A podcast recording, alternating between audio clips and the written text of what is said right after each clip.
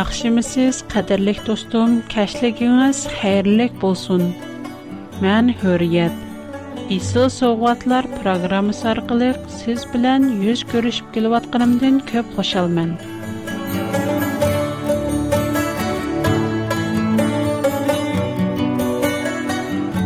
Мен білән бір көткізген мұшу қысқығына ерім саат Siz Сіз мұшу бір күн ішчеді Әң әсмәтлек ۋە әң мөһим вакыт бу шуның үмөт киләм. Менә мәқсадем амэлиятта сезгә шуны исқылдыруш. Программабызның тип нишане фақатла Худаның сөзен yetкүзуш. Худаның харастеряне туныштырып, Худаның хушхабарыны һәмме достымга programmamiz balkim boshqa hikoya roman anglatish programmalaridek kulkilik yumorliq bilinmasligi mumkin man bu balkim sizning nazaringizda zerikishlik odamdirman biroq programma hargiz zerikishlik emas chunki uningdiki haqiqatni boshqa har qandoq programmadan topolmaysiz biz o'tgan qatimqi programmamizda qur'oni karimdan muqaddas kitob tavrat va injilning to'g'riliqini haqiqat ekanligini isbotlab o'tgan edik garchi shundoq bo'lsinmi bu oyatlar tavrat injilning noiti to'g'ri mukammal ekanligini isbotlashda texi yetarli emas shunga bugun qadrli do'stlarimning savrchanlik bilan маңа әгішіп, Құран кәрімден оның мұқаддас кітап, Тәурат вә Инчилға итқан баяларыны көріп бақайлы. Құран кәрім, мұқаддас кітап, Тәурат вә Инчил тоғырлық неме дейді? Бірінші, Құран кәрім 2 сүрә Бәқәр 40-44 аятта мұқаддас кітаплар, Тәурат, Инчил – адамны яхшы эш кылышка үндәйдү дилгән. И Исраил авлады, минем силәргә бергән немиттимне яд итеңләр. Маңа бергән вәдәңләргә вафа кылыңлар. Мен мо силәргә кылган вәдәмгә вафа кылымын. Мәндәнла куркуңлар. Кишләрне яхшы эшкә буйрып, өзеңләрне унтымсызлар. Halbuki sizlər kitabni oqub duruslar. Түшенмәмсезләр? Qur'anmı oxşaşla kişilərni yaxşı iş qılışqa dəvət qılıdı. Bunu şu sürədəki 195-ci ayətdən görüb alalayımız. Allah'ın yolunda sərif qılınlar. Özünlərni halakətə taşlamaqlar. İhsan qılınlar ihson qilg'uvchilarni Alloh haqiqatan do'st tutadi.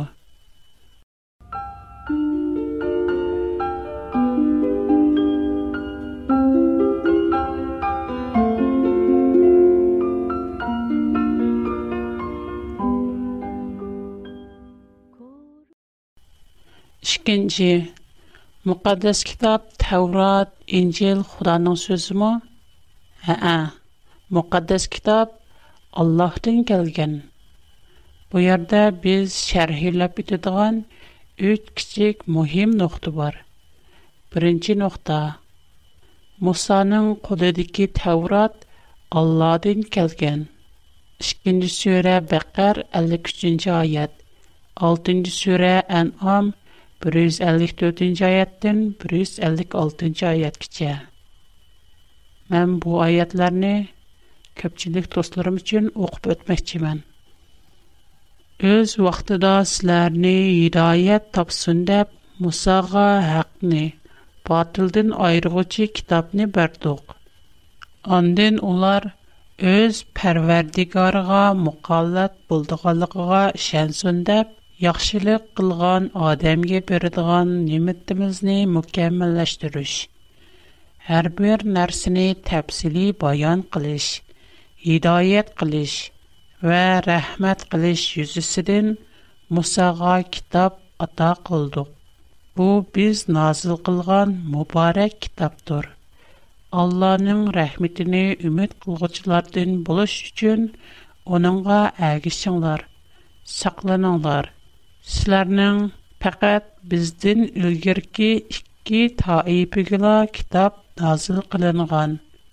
Уларның оқыған китапларыдан безнең задыла хәбәрмиз юк демәслекләр өчендер. Яки сезләрнең әгәр безгә китап назил кылынган булса, без әлбәттә улардан артык гыдаят тапкан булаттык демәслекләр өчендер. Булардан сырт 11-нче сүре Худ 110-нче 17-нче сүре Бәни Исраил 2-нче аят 23-cü surə Müəmminun 49-cu ayət. 25-ci surə Furqan 35-ci ayət. 28-ci surə Qasas 43-cü ayət. 32-ci surə Səcdə 23-cü ayət. 37-ci surə Safat 114-117-ci ayət. 40-cı surə Ğafir 53-cü ayət. 41-ci surə Fusilət 45-ci ayətlər həmmisi Tevratın Allah'ın kəlgənliyini isbatlaydı. İkinci kiçik nöqtə. Bütün müqəddəs kitab Tevrat, İncil Allah'ın gəlgən. 4-cü surə Nisa 136-cı ayətdə mündəq deyildi. Ey möminlər, Allah'a, Allah'ın peyğəmbərinə вэ Алла уныңа назил қылған китапка вэ илгири Алла назил қылған китапларға иман келтіруңдар. Ким ки Алланы, Алланың пәрештіләріні, китапләріні, пайрамбәрләріні вэ ахират күдіні инкар қаладыкен, оу қаттық азған болуду. Енә сүрә 120 121 oyat 213 oyat ham 10 sura Yunus 94 oyatlarmı oxşaş məzmunda. Onların hamısı bütkül müqəddəs kitab, Tevrat, İncil Allah'tan kelgen deydi.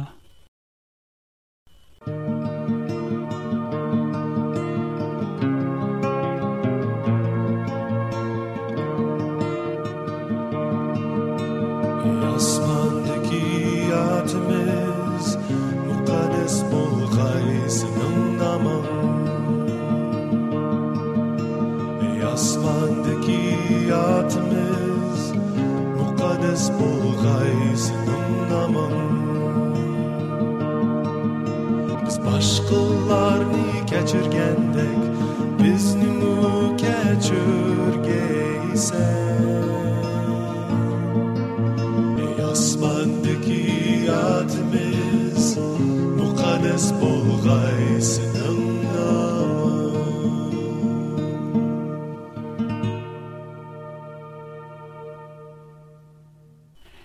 Üçüncü kiçik nokta. Müqəddəs kitabının konkret parçaları Allah tərəfindən tilgə alınğan. Aldı bilən konəhdə, yəni Tevrat Allah tərəfindən tilgə alınğan. 45-ci surə Casiyə 16-cı ayət. Şək şübhəsiz ki, biz İsrail əvladığa kitabını, hikmətni və peyğəmbərlikni ata qıldıq. Onlarga pak nərslərini rızıq qılıb verdik. Onlarını cahan əhlidin üstün qıldıq. Yenə Kona və Yeni Əhdə, yəni Yeni Əhdə İncil. Bunlarını Allah tılğa alğan. 5-ci surə Maidə 110-cu ayət. 3-cü surə Al-İmran 48-ci ayətlər bunlarını isbatlab durdu. Үнсі вақтада Алла ийтти. И Мэриям оғли Иса, саңа ва сениң анаңы берген немиттімні әслигін. Айни заманда саңа рухил қудыз білян мэдэт бәрдім. Бүйшікті ва отры яш вақтында кишілерге сөзлейтін. Айни заманда саңа китапни, хикимэтни, Təvratni və İncilni ügətdim. Allah onunğa xətni, hikmətni, Təvratni, İncilni ügütüdü. Yenə şu surədəki 3-cü və 4-cü ayət. Özüdən ilgirki kitablarını təsdiq qılğıcı haqq kitabını sana nazil qıldı. İlgiri kişilərə yol göstərici qılıb, تورات بلن انجیل نی نازل قلعان ایده. هر батылны باطل نه ایروچی کتاب نی نازل قلده. شخصی که الله نع آیات لرنی انکار قلعالر قطیق اصحاب دچار بوده. اونا نمیشکایی نه الله قرآن دا ایسا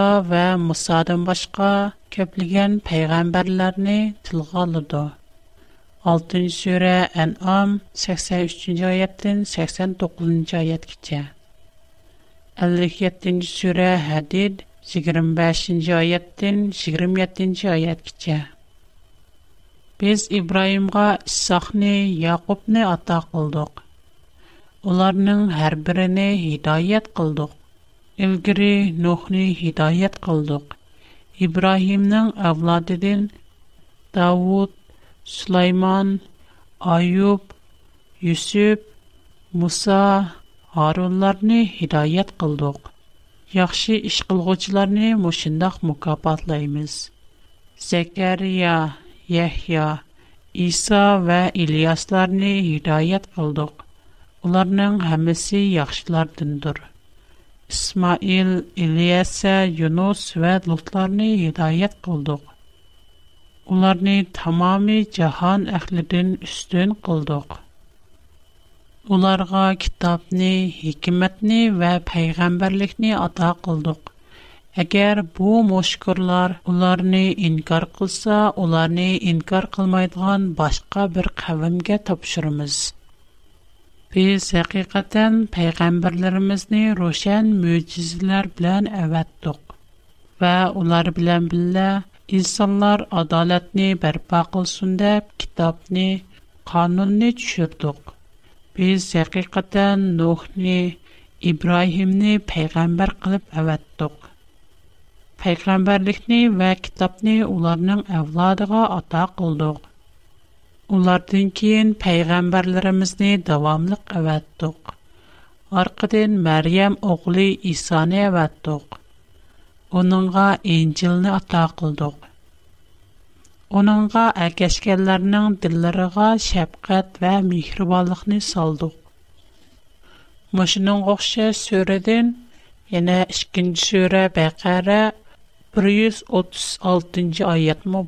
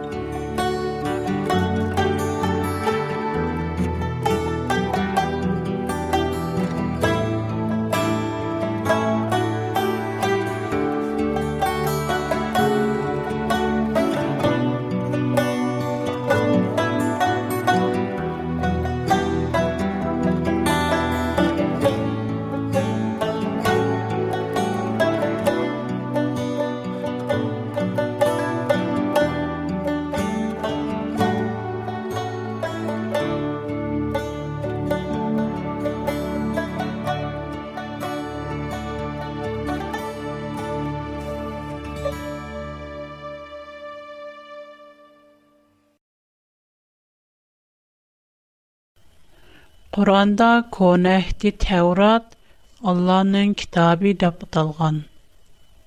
2-нче сүре Бәкәр 101-нче аят. Уларга Алла тарафыдан кулларыдагы китапны тасдиқлайдыган бер пайгамбар келсә, билмәйдигәндәк Алланың китабын аркасыга чөрүп үтәдә. Демәк, мушаятта Тәурат дәл Алланың китабы дип аталган. Шынаһ булган икән, Таврат Наайти, Хукуклык. О Алланың китабы емасмы? Шу сыры дике 174-нче аятмы охшаш мәзмунда. Керчә Куранда бәзи пайғамбарлар тилгылланган бусымы, әмма мөхәддەس китап Таврот вә Инҗил дике барлык пайғамбарлар бер-берләп тилгылныган. Quran bu ақта мұндақ түшәнші бірді. 4-ші сүрә Ниса 163-164-ші айет. Біз Нухқа вә оныңден кейінкі пәйғамбарларға вәхи қылғандек, әқиқаттен саңа вәхи қылдық.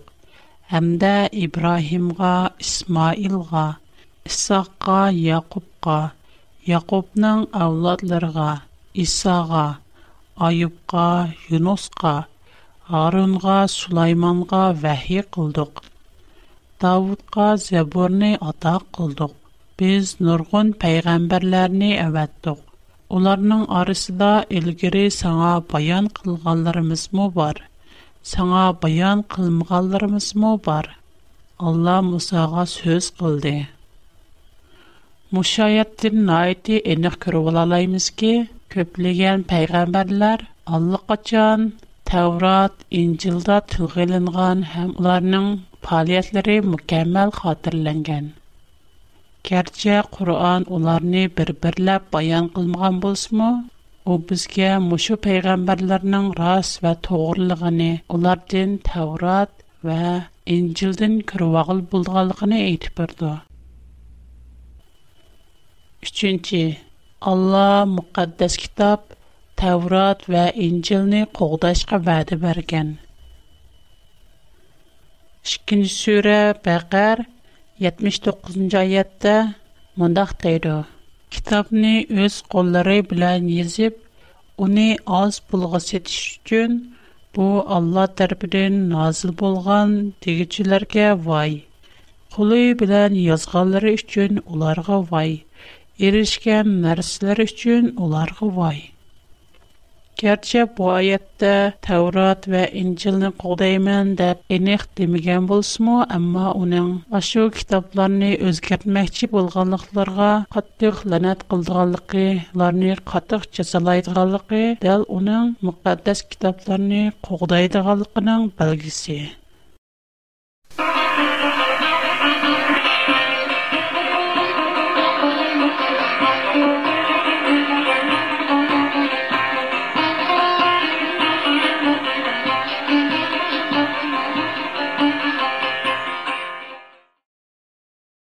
Әмді 15-ci sürə Hicr 9-cu ayət 10 və 13-cü ayətlərə qarab Allahның Təvrat, Zəbirdən ibarət müqəddəs kitablarını çoxum qoğdaydıqalıqqa vədi bərgəlikini görüb baqaylı. Şübhəsiz ki, sinindin ilgiri burunqi hər qaysi taiblərgə nurğun peyğəmbərlərini əvətdiq. Улар өзләргә пәйгамбәр кәлсәлә, уни мәсхирә кылышты.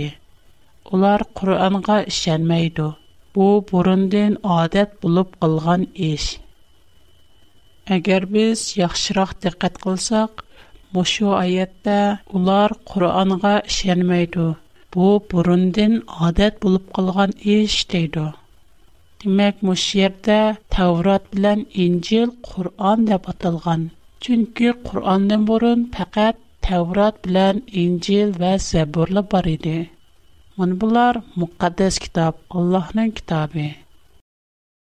Уларга пайгамбарларны, hikmat kitoblarni inkor qilish odat bo'lib qolgan ekan chuqum bu tavrot injilni inkor qilishdan boshlangan agar qur'onga ishonmaslik burundan odat bo'lib qolgan desak Bu ameliyette uyğun kelmeydi.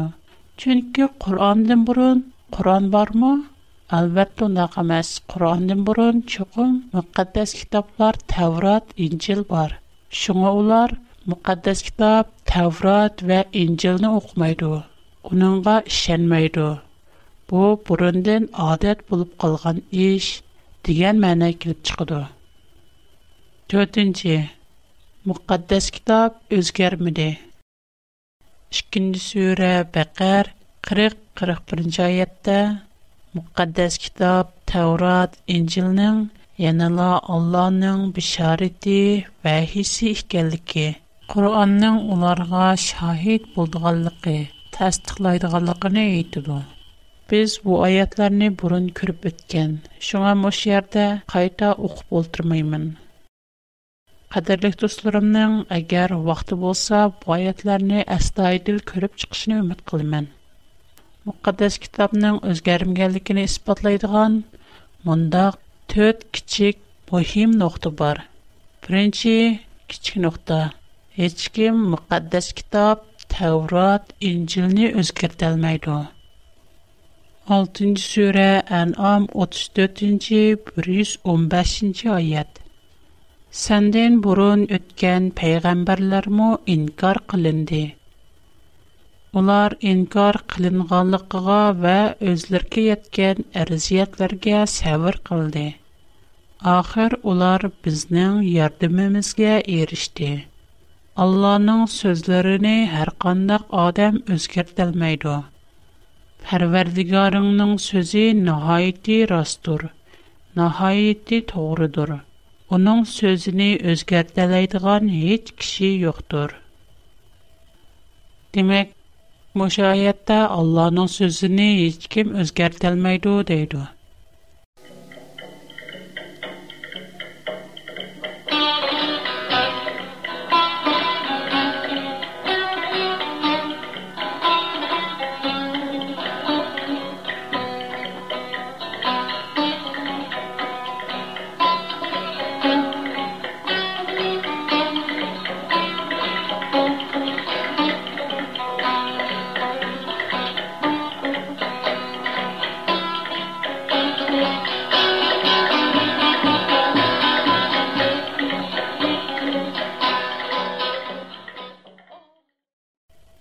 burun ko'rib o'tgan ikkinchi sura baqar ellik uchinchi oyat yettinchi sura ayrof 144 yuz qirq to'rtinchi oyatlarda muqaddas kitob tavrot injil xudoning so'zi ekanligini o'qib o'tgan edik tavrot injil allohning so'zi bo'lgan ekan undaqda uni hech kim o'zgartirolmaydi ikkinchi kichik nuqta yettinchi sura airof 144-нче аят, 41-нче сүре Фусилат, 43-нче аятта Бұрынғы китаплар Тәурат вә Инжил құдды Құран кәрімге оқшаш түхмет күчірған дейілді. Біз бұ аятларыны көріп бақайлы. Саңа айтылдыған сөзлер пәкәт үлгіргі пәйғамбарларға айтылдыған сөзлердір. Мұш аятыны яқшы оқып көрсек, саңа айтылған сөзлерінің мәнісі – Сан айтылған төхмәс сөзләр өлгір ки китапларғы му айтылған төхмәс сөзләрдур. Құрған қолыда мақаддэс китап ёк, әм уни білмайдығаларға ярдан бірш үчін кәлген. 32-жі сөрә сәйждэ 3-жі аят. Мушкырлар, Мухаммад уни өзі түкдейдейду. Әргіз унда қамас. Бәлки у сәндин илгири һеч кандак бер пәйгамбәр келмәгән бер кавемне hidayət tapsun deyə onları ağahlandırışın üçün Pərverdigarın tərəfindən gələn həqiqətdir. 3-cü kiçik nöqtə müsəlmanlar birər peyğəmbər yoki birər kitabni başqa hər qandaq peyğəmbər yoki kitabdan üstün orunğa qoymaydı. 2-nji sura Baqara 136-njy ayet. Eýtdiler ki, Allah'a iman etdik. Bizge nazil kılınğan wahyge, İbrahim'ga, İsmail'ga, İshaq'a, Yaqubqa we onuň awlatlaryna nazil kılınğan wahyge. Musa'ga berilgan, Isa'ga berilgan va payg'ambarlarga Parvardigori tarafidan berilgan kitoblarga iymon etdik. Ulardan hech birini ayirib etmaymiz. Biz Allohga bo'ysungichlarmiz. Bu oyatdan noyti aniq turibdiki, hamma kitob Allohdan kelgan. Biz ularning hammasiga iymon etamiz. ularni bir-biridan ayırıb etməyimiz, bir-biridən üstün orunda emas. Biz ularning hammasiga o'xshash amal qilamiz. Программа ахырда достумга адресимни тап бермекчимин. Әгәр мен белән алакалашышны халысыңыз, қалам ва кагаз таярлап койсаңыз, программа ахырында адресимни хатırlап ала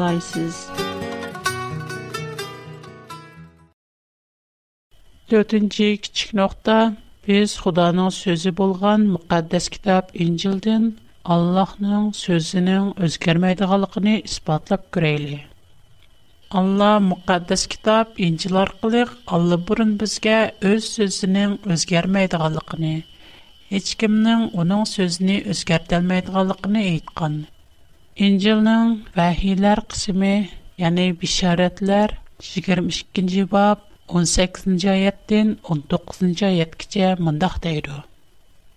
Мен бу китаптагы бишаратларны аңлаганларны җитди агахландырмын. Әгәр кимки бу бишаратларга берәр нәрсә куйса, Худамы чуқум уныңга бу китапта язылган апатларны таңды. Бу китаптагы бишаратлардан әгәр кимки берәр нәрсә үчервәсә, Xudomu chuqum bu kitobdagi hayotliq tarixi va muqaddas shahardan onun nisivisini o'chirib o'tadi mana shundoq ciddi aniq jiddiy ogohlantirishni anglab turib biz yana allohning so'zi o'zgargan deyalamizmi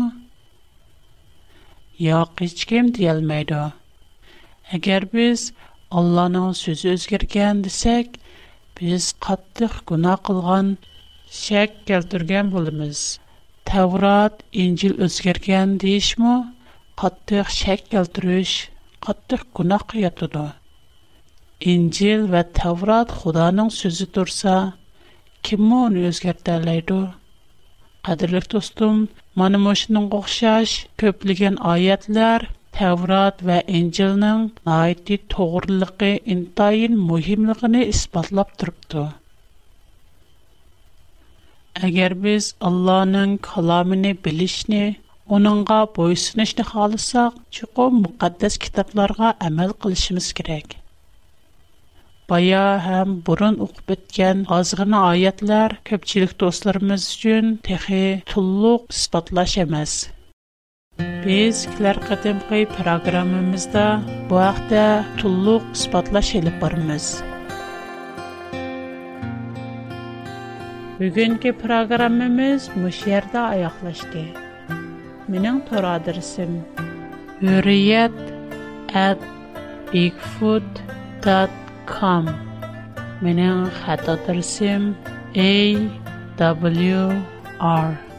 p o Halifax, Ishiz on Hong Kong. من خانزیچه خطا درسیم شانگان یو جنزون جیه شیشان شیز خوش خدا غمانت خوش وقت